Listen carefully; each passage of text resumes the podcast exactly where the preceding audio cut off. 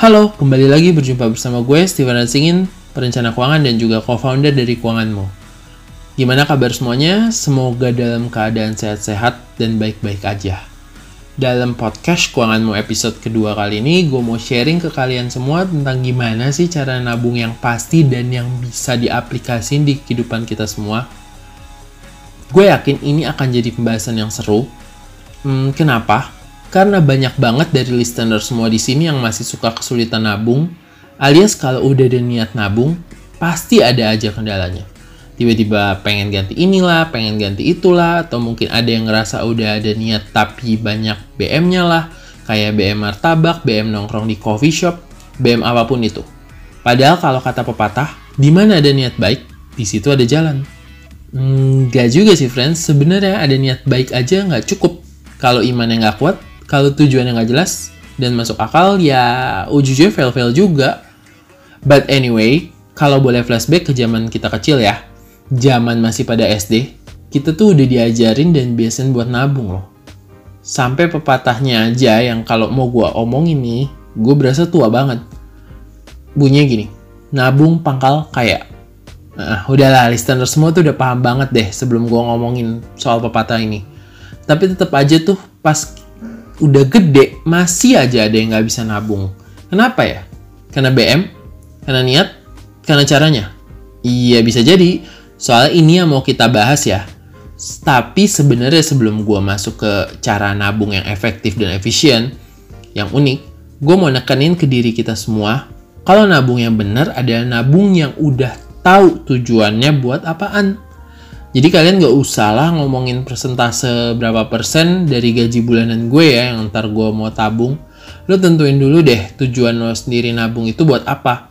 Karena kalau udah ada tujuan yang jelas, baru deh kita bisa cari cara yang masuk akal yang paling realistis buat mencapai itu semua.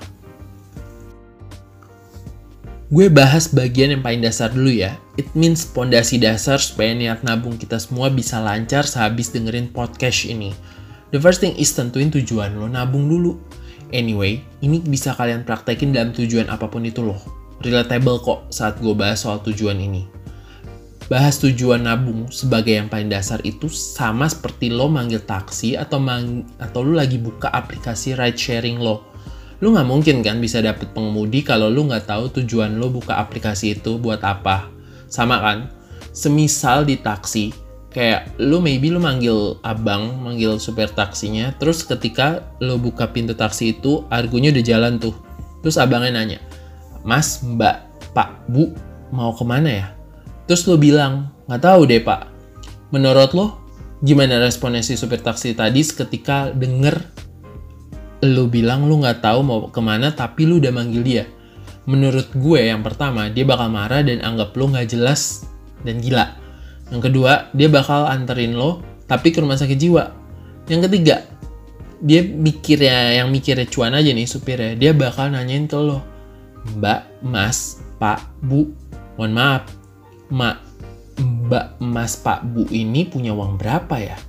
Terus ketika lo bilang, ada saya ada 100 ribu sih pak, si sopir itu bakal muter-muterin lo sampai argo taksi 100 ribu dan lo disuruh pulang.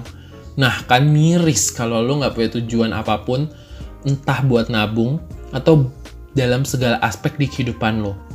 Gue ngutip soal tujuan hmm, di buku Awaken the Giant within Anthony Robbins. Gue pernah baca kalau doi bilang gini, lo nggak punya tujuan dan rencana untuk hidup lo, sebenarnya hidup lo tuh masih baik-baik aja dan masih bisa jalan dengan cara ngikutin rencana dan tujuan hidup orang lain.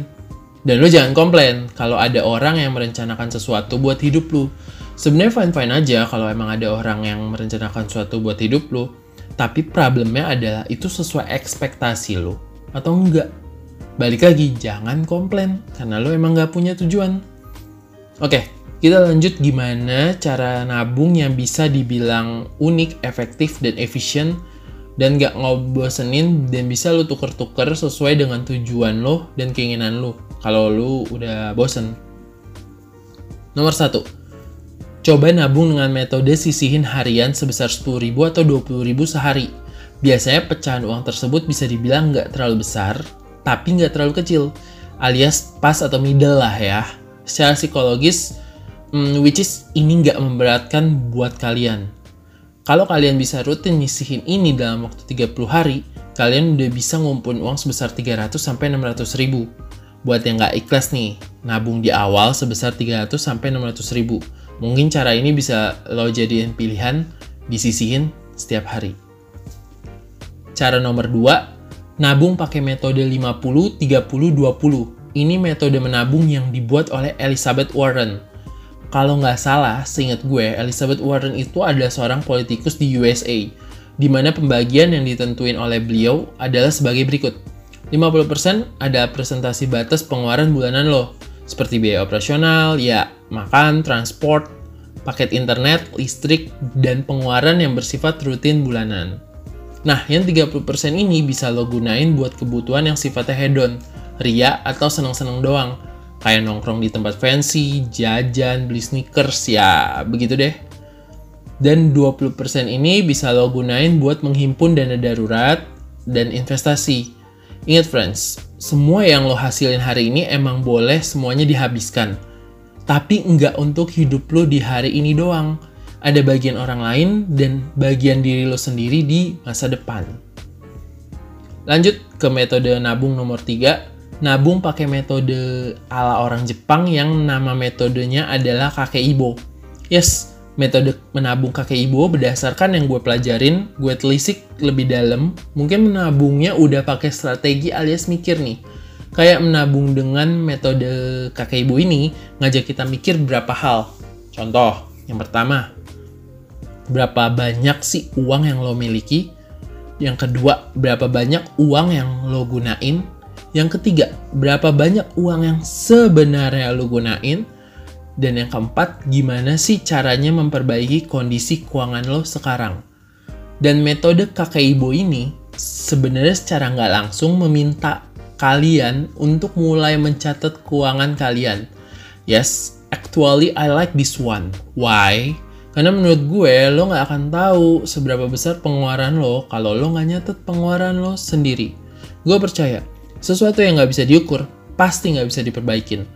Nah, makanya metode kakak ibu ini emang sih nggak merinci secara spesifik soal persentase, tapi dia memaksa lu untuk mulai mencatat. Gunanya apa? Supaya tahu seberapa besar yang lu keluarin. Well, itu balik lagi ya soal persentase. Kebutuhan orang kan masing-masing beda-beda, jadi nggak bisa disamain di metode kakak ibu ini.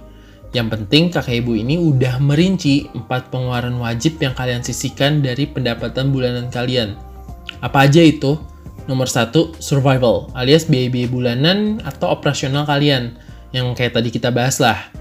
Yang nomor dua, biaya-biaya fancy kalian lah, yang tadi gue bilang sebelumnya, kayak jalan-jalan, makan, liburan, buat hedon. Biaya yang nomor tiga, culture alias biaya-biaya yang berisi menunjang masa depan kalian yang bisa nambah wawasan kalian seperti biaya investasi, beli buku, ikut seminar. Dan yang terakhir yang nomor 4, ekstra. Biaya-biaya yang ada di luar dugaan kalian kayak servis motor, mobil, ganti peralatan atau perlengkapan rumah yang rusak dan kurang lebih kayak gitu dan metode menabung yang paling spesifik yang pernah gue tahu sejak tahun 2014 adalah menabung ala Li Ka-shing. Li Ka-shing sendiri adalah orang paling kaya di Hong Kong. Dia berangkat dari buruh biji plastik sampai sekarang jadi pengusaha properti di Hong Kong. Hmm, sempet masuk 10 orang terkaya di dunia versi majalah Forbes.